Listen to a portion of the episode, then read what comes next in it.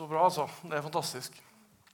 Du, det er alltid kjekt å komme hit, som jeg sa. Og så forsto jeg at Ellen og Annika de er ikke her. De er på sydlige breddegrader. Og Liv Ellen og Lars er også eh, på tur. Så det er én ting som er sikkert da, når det, ingen av pastorene er her. Så er det liksom, ja, det er ganske, Da er det litt kult at de spør meg, for da er de litt sånn hardtrygge på at de kommer til å si noe som er fornuftig. Men så vet du også at da kommer de til å sitte og høre den talen om igjen. da. For de skal lure på hva fyren sa. liksom. Kan vi gjøre dette neste gang?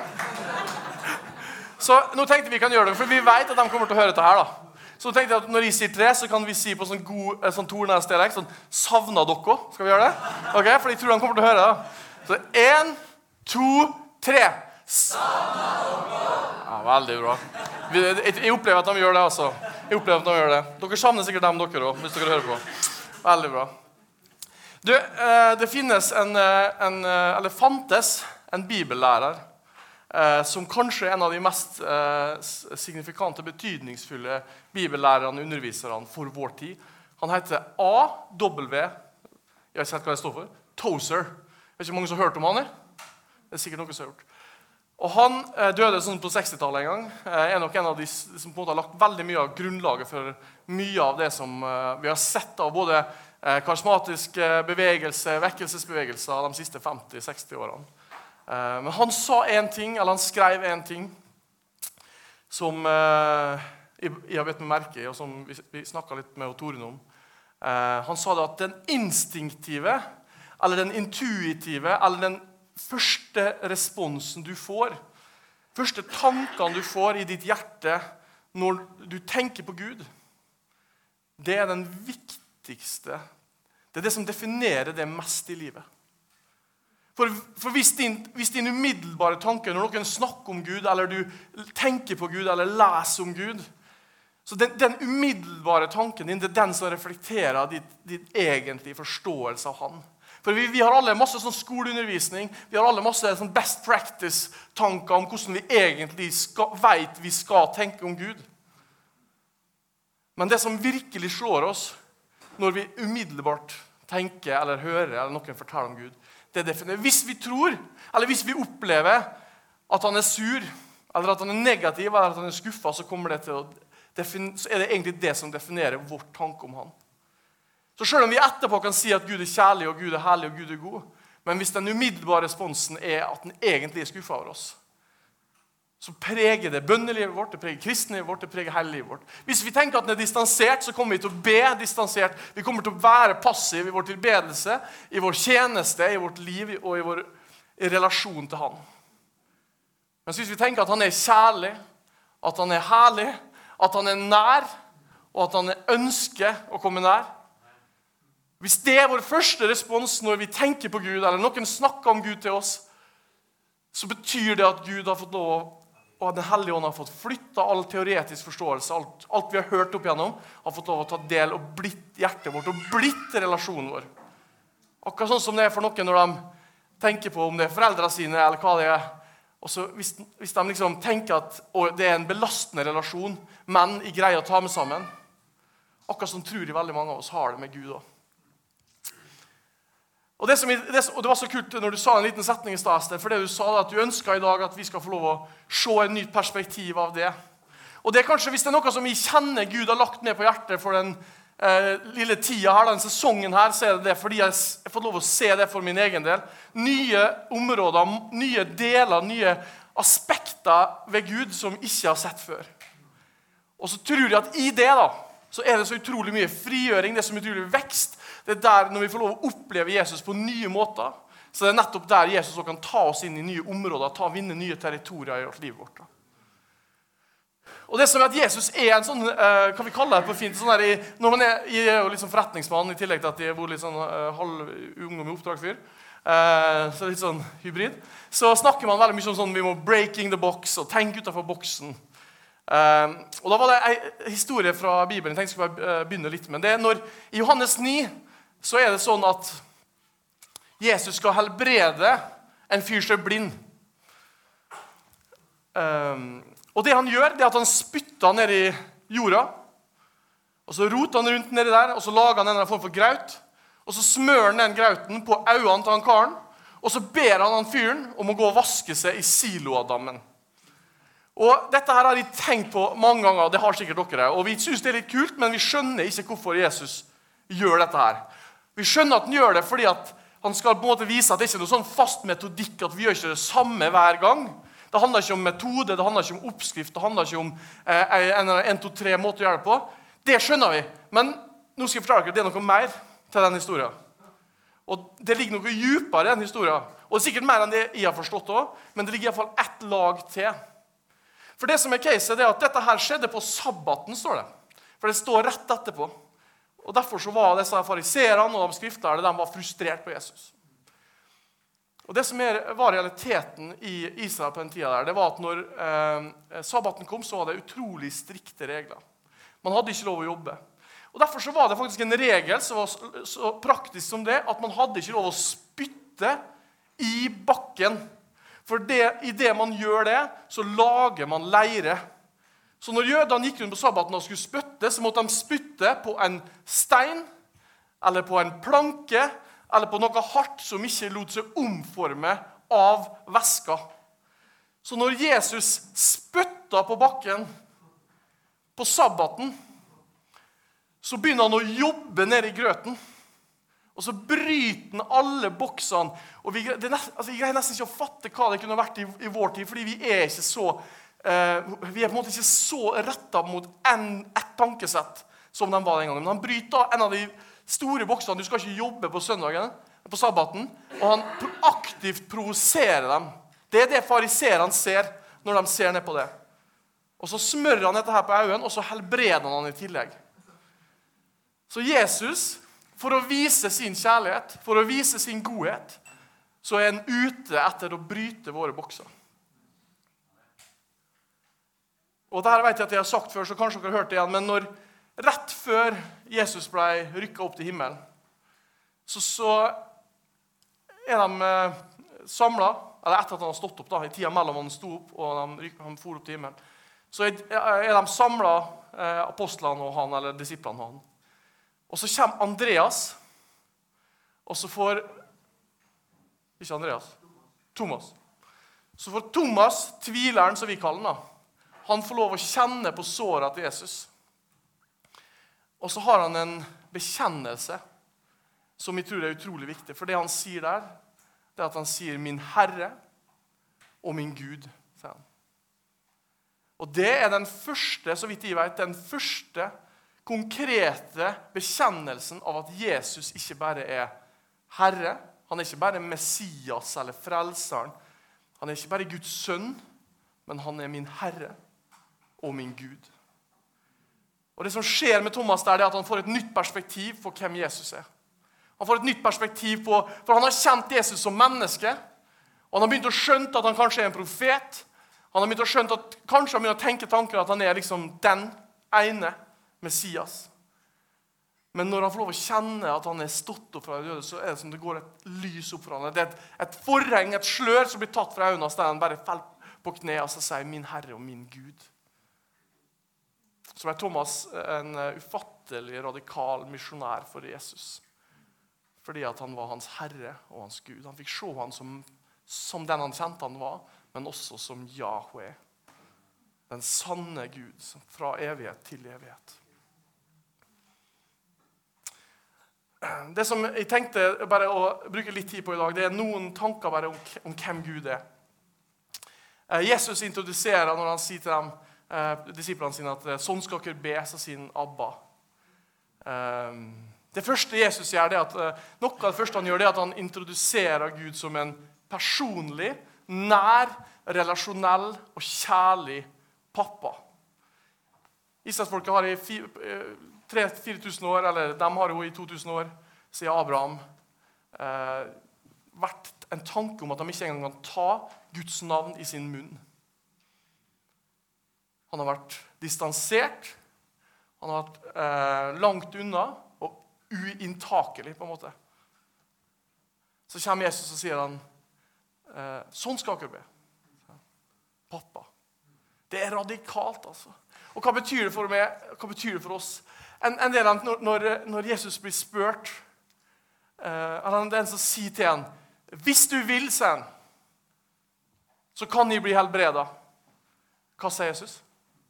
Jeg vil. Hvis du vil, så kan jeg bli, kan jeg bli helbreda, sier Jesus. Jeg vil. Når det står i Bibelen dette kan dere skrive ned, når det står i Bibelen at Jesus fikk medynk med dem, så er det sånn at Det greske språket er mye rikere enn vårt sitt, og det er mange ord som definerer det samme. Det er Alle gangene det står medynk, så, så er det det sterkeste ordet for medlidenhet et menneske kan ha. Det er det Jesus følte for folk som var fattige, for folk som var slått, for folk som var syke, for folk som var i lenka, for folk som levde i synd. Så hadde han medynk, den sterkeste formen for medynk. Fordi han er pappa. Jeg vet ikke om du har jo hatt unger sjøl, men hvis jeg sitter på jobb eller hvis jeg sitter med et eller annet, så ringer ungene mine til meg så er jeg ganske interessert i, og Da er det ikke så veldig viktig hva de andre folkene i møte Hvis jeg har muligheten eh, og får med at de ringer til meg, så tar jeg en telefon.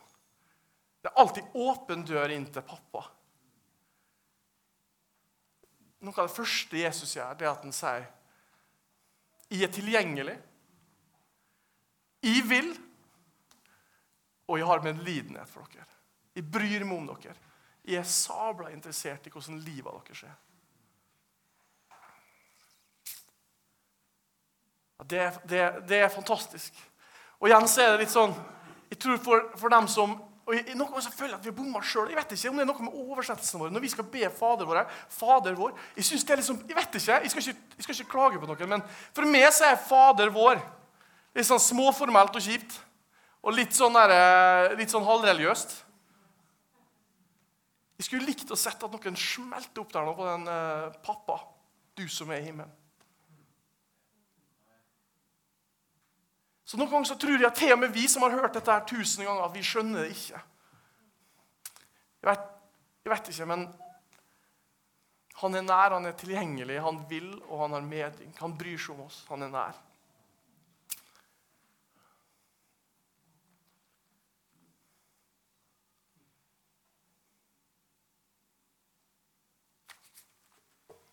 Det står i Lukas 2,52 så står det Vi kan ta og lese. Det er veldig fort.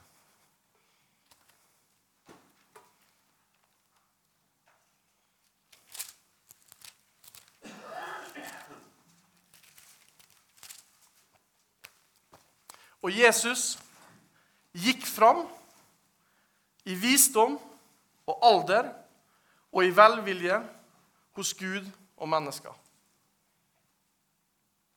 Jesus gikk fram i visdom og alder og i velvilje hos Gud og mennesker. Jesus er sant menneske. folkens, han er sant Gud. Jeg tror Når Thomas sa 'min Herre og min Gud', så var det, han kom fra et perspektiv der han så Jesus som en fyr som var hakket eller to hakk høyere enn alle andre. Og så får han en åpenbaring av at han er Gud. Så tror jeg vi kommer noen ganger fra et perspektiv om at Jesus er Gud og sitter i himmelen. Og så sliter vi med å forstå at han har vært prøva i alle ting. Det står i Hebrevet at derfor, fordi at han skulle være et perfekt offer, så måtte han bli prøva i alle ting. Han måtte bli oss lik i alle ting, står det. Og Jesus gikk fram i visdom og alder og velvilje hos Gud og mennesker. Det ordet gikk fram, skal ikke bli noen sånn teologi om gresk, men det betyr at han har kjempa veien fram. Han har bana vei, står det. Han har kjempa, han har tatt territorium. Når Jesus gikk fram, så var det ikke bare at han levde 33 år, 30 år i liksom, uh, skjult og tre år i åpenheten. Men hver eneste dag så vant han territoriet om hvordan det ser ut å leve, og hvordan man kan leve et hellig, rent liv til ære for Gud og mennesker hele tida. Han kjempa mot fristelser, han kjempa mot motstand. Familien hans uh, trodde ikke på han. Uh, disiplene hans og, for mange av dem som var rundt den, de forlot den. Og når han hang på korset, så forlot alle han. Men han gikk fram i visdom og i favør hos Gud og mennesker. Fordi han levde et liv akkurat sånn som vi. Så det betyr at, Og det står i brevet at fordi han har gjort det, så kan han også bry oss om oss, ha medynk om oss og ha kjærlighet for oss i alle situasjoner. For han har bana veien, rett og slett. Han har prøva i alt. Han har vært ute for alt vi har vært ute for. Ikke kanskje praktisk, han hadde ikke unger, så noen ganger når ungene skriker og kjerringa er sur, så lurer vi på Jesus, har du vært prøva i alt. Det tror jeg vi alle har spurt oss denne gangen. Og Det får vi la henge opp et sånt spørsmålstegn så lenge, men vi vet at de samme tingene som vi strir med da, det har han vært prøva i.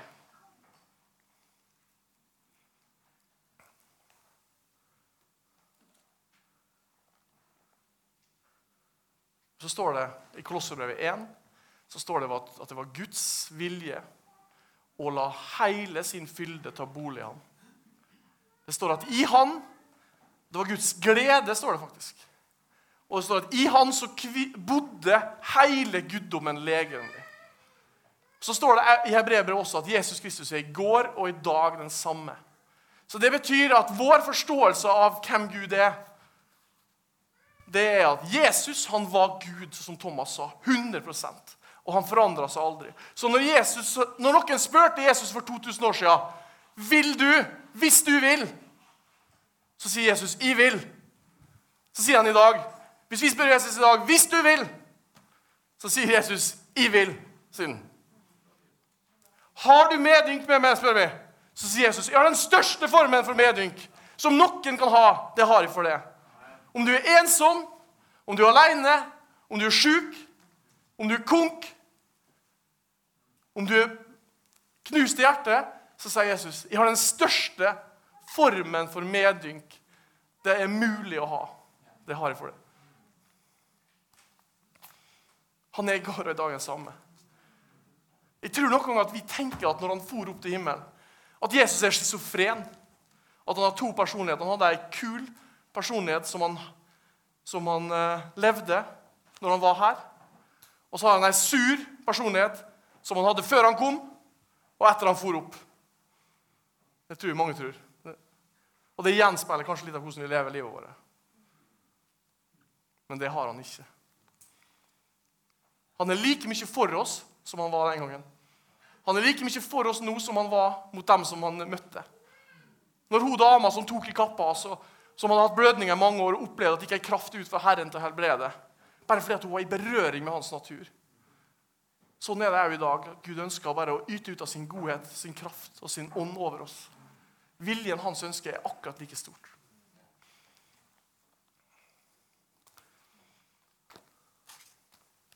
Jeg skal lese fra Johannes' åpenbaring 19. For noe av det som vi kanskje har kjent på, en annen falsett eller aspekt med Jesus, at de føler kanskje at opp gjennom historien Jeg vet, jeg vet ikke hvem og hvor, men at på et eller annet tidspunkt så har han blitt kjip og kjedelig. Og litt sånn Jeg snakker ikke sånn, ikke så feminin om at han har blitt jentete, men litt sånn, at det kan være noe sånn, litt sånn svakhet over han òg. I måten han er på bilder, i måten han er, måte blir framstilt. At, at, Jesus er litt veik. da. Litt sånn nabbi-perle-Jesus og litt sånn uh, fargelegg-Jesus. Og jeg så himmelen åpnet og se en hvit hest. Han som sitter på den, heter trofast og sannferdig, og han dømmer og strider med rettferdighet. Hans øyne er som ildslue, på hans hode er det mange kroner. Han har en innskrift med et navn som ingen kjenner uten han selv.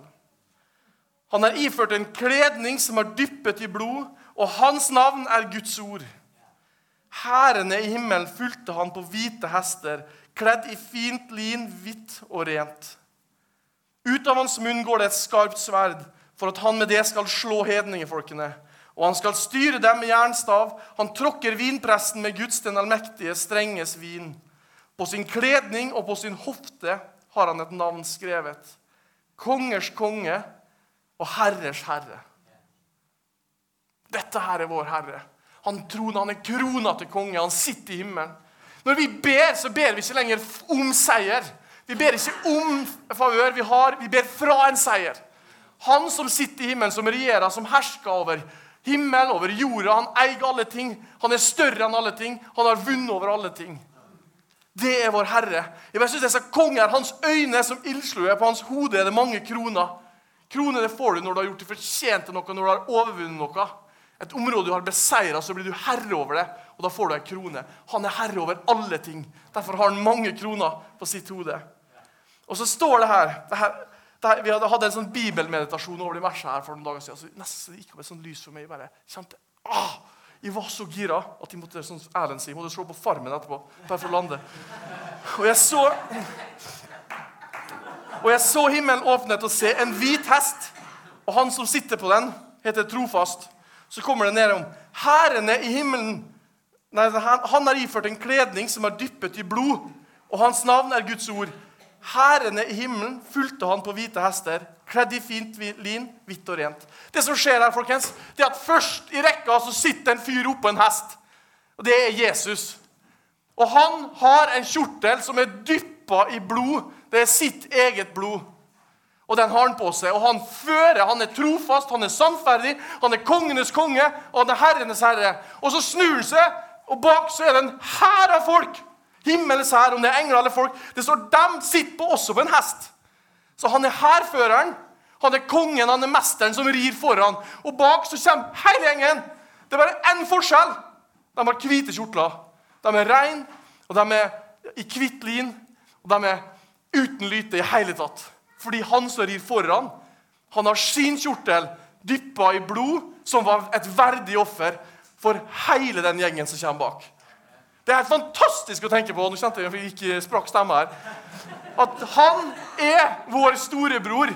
Han er vår Herre som har åpna veien. Som sa, Han har vunnet territoriet, han har gått foran. Han sitter på hesten, og vi sitter bak, og vi kan bare følge etter hans ledelse. Vi, kan, de har samme autoritet, tilgang til den samme krafta, til den samme makta, fordi han har dyppa sin kjortel i lammets blod. Og Så blir det noen ganger litt sånn for oss òg. Dette lille lyset mitt, det skal få skinne klart. Det som står i Matteus 16, så står det når, når Jesus snakker til Peter, så sier han På denne klippet, sier han Det er Peters bekjennelse av hvem Jesus er. På denne klippet vil jeg bygge min kirke, og helvetes porter skal ikke overvinne dem. Og Her tror vi har fått vår tanke snudd opp ned. For vi tror det, vi. At verden er sånn at vi sitter inne i lille Fræna pinsemenighet, og så er det helvete sine hærer som kommer til angrep på oss. Men det er sånn er det slettes ikke. Her står det at på denne klippet vil jeg bygge min kirke, og helvetes porter, står det. Og porter det er et festningsverk, det er noe som står stille, som ikke beveger seg framover. Og hvem er det som angriper? Det er rytteren som sitter på den hvite hesten med skjorten sin dyppa i blod, med en hær av folk bak seg med hvite kjortler. Vi skal knuse helvetes porter, og vi skal gå til angrep. Vi skal vinne territoriet for Jesus. For det er vi som er på offensiven. Fordi Gud har gått foran, fordi han har vist vei, og fordi det som bor i oss, er sterkere enn det som bor i verden, så trenger ikke vi å låse oss inne og være redd for det som er utafor. Fordi han er sterkere, han er mektig, han er seier. Alt handler om han, folkens. Alt handler om han, folkens.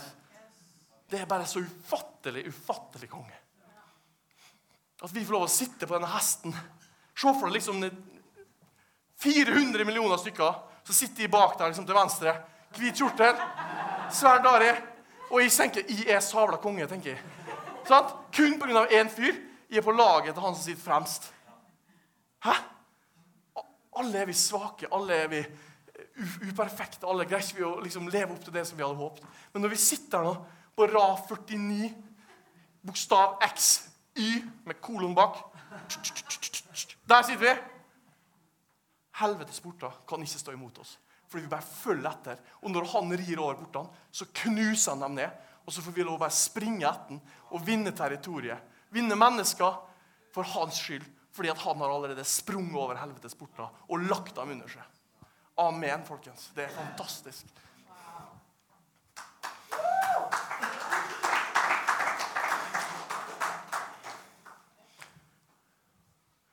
En siste ting som bare for å prøve liksom å Hva betyr dette for meg, da? For det som er caset, det er en annen ting med Jesus som, som, som, er litt sånn lett å snakke om, forferdelig vanskelig å leve. Og her, dette er noe jeg kjenner meg svakest på sjøl. Fordi Det som er at det er nesten en sånn grunnlov, har, og det er så mange bibelvers som backer under, at Jesus han er ute etter det som er svakt, og det som er lite, for å gjøre det sterkt og stort, sånn at han kan få æra, og ikke vi. Og i historien når han metta 5000, så er det noen små ting, noen små detaljer som er kult. Det var ikke så veldig mye mat. Det var, Hvor mye var det? Dere som vet det? Fem brød og to fisker, eller motsatt. Jeg greier aldri å huske. Men det står i hvert fall i Johannes begge at det var fem små brød og små fisker. Så ikke bare var det lite, men det lille som var, det var stusslig, det òg. Så ikke bare, ikke bare liksom er vi få. Sant? Fræna er jo en enorm kommune. 10 000 innbyggere sikkert. Største jordbrukskommunen mellom Trondheim og Bergen. Ta med en. Sant? Stemmer det? Ja, ja. Ikke bare, ikke bare er verden stor, og vi er få, men vi er kleine òg. Vi sliter òg. Vi er uperfekte òg, vet du. Og så en annen ting som står at det her er en gutt, sier de. Her er en gutt som har med seg mat. Og I min bibel står det en parentes. da. At de som, fikk, de som var der, det var 5000 menn uten damer, uten kvinner og barn. Så han stakkaren med stakkarslige brød og stakkarslig fisk, han blir ikke engang lista opp i dem som fikk mat. Han er en gutt Så kommer der nå.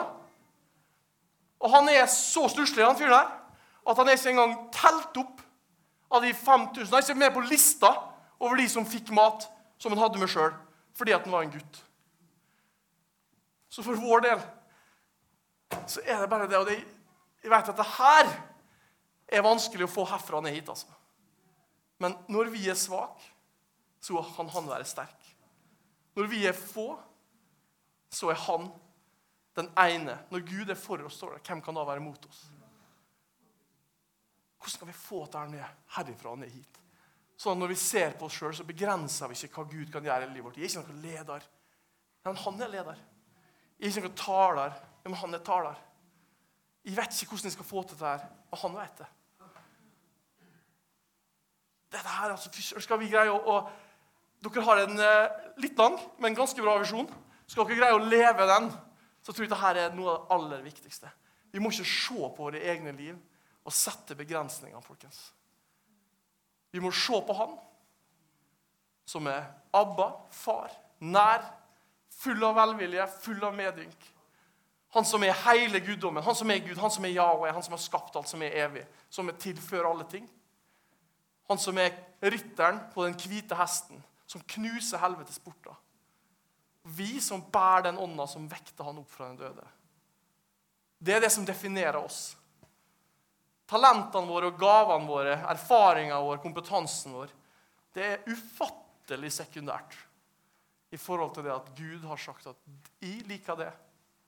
Jeg har putta min ånd inn i det, og jeg ønsker at du skal bety en forskjell der du bor, til enhver tid. Fordi at Hvis ikke du gjør det, så har jeg ingen andre til å gjøre det som jeg har kalt dette.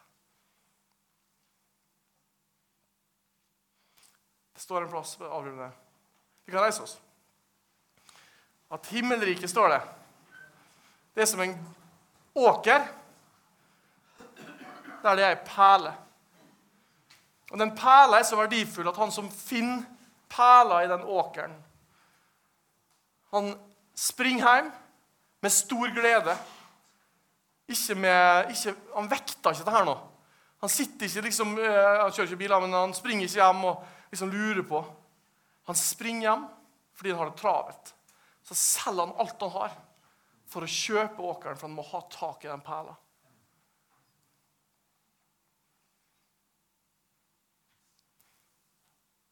Noen ganger så kjenner jeg at vi kan vekte fram og tilbake.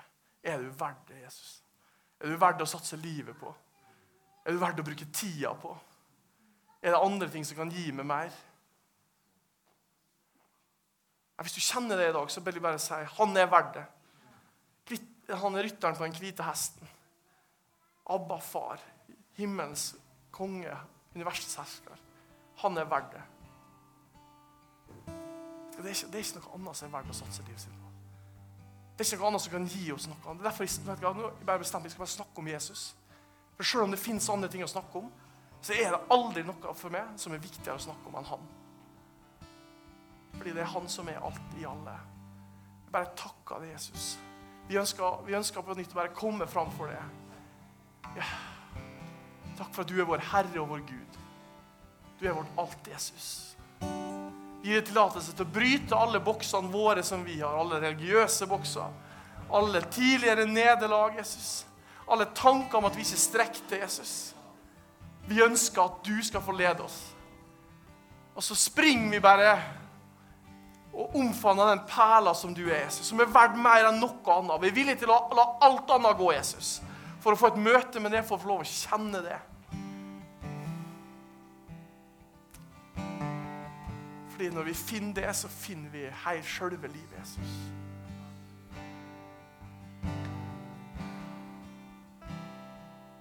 Jeg bare takker deg, Jesus. Takker for at når du ser ned på oss, så ser du den lengselen som er i hjertet vårt. Og kjenner virkelig bare noen nederlag fra i går, nederlag fra nær fortid og fra gammel fortid. Du heller ikke mot oss, Jesus.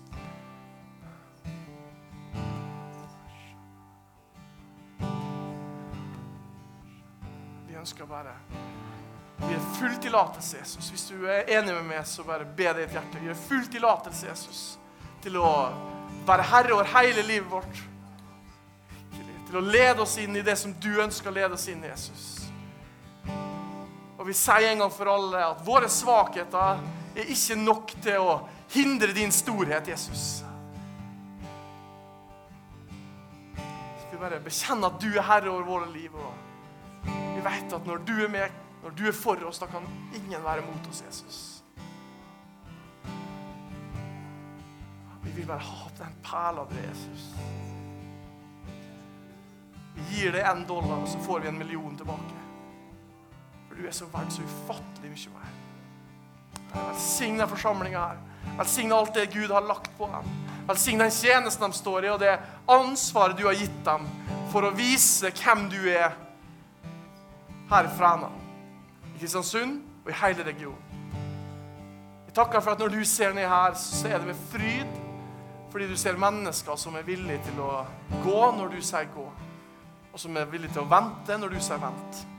Fordi det er mennesker her som kjenner og hører de stemmer. Og som er villige til å være lydig mot deg, Jesus. Vi bare takker og priser deg navn.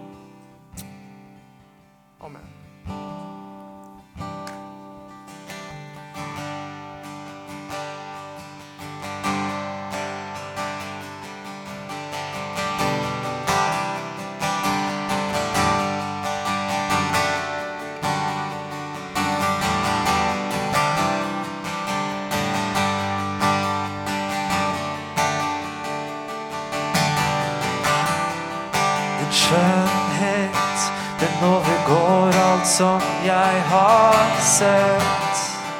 Også himmelens stjerner. Allmektig, trofaste Gud, du vil aldri svikte meg. Du elsket meg først. Din skjønnhet.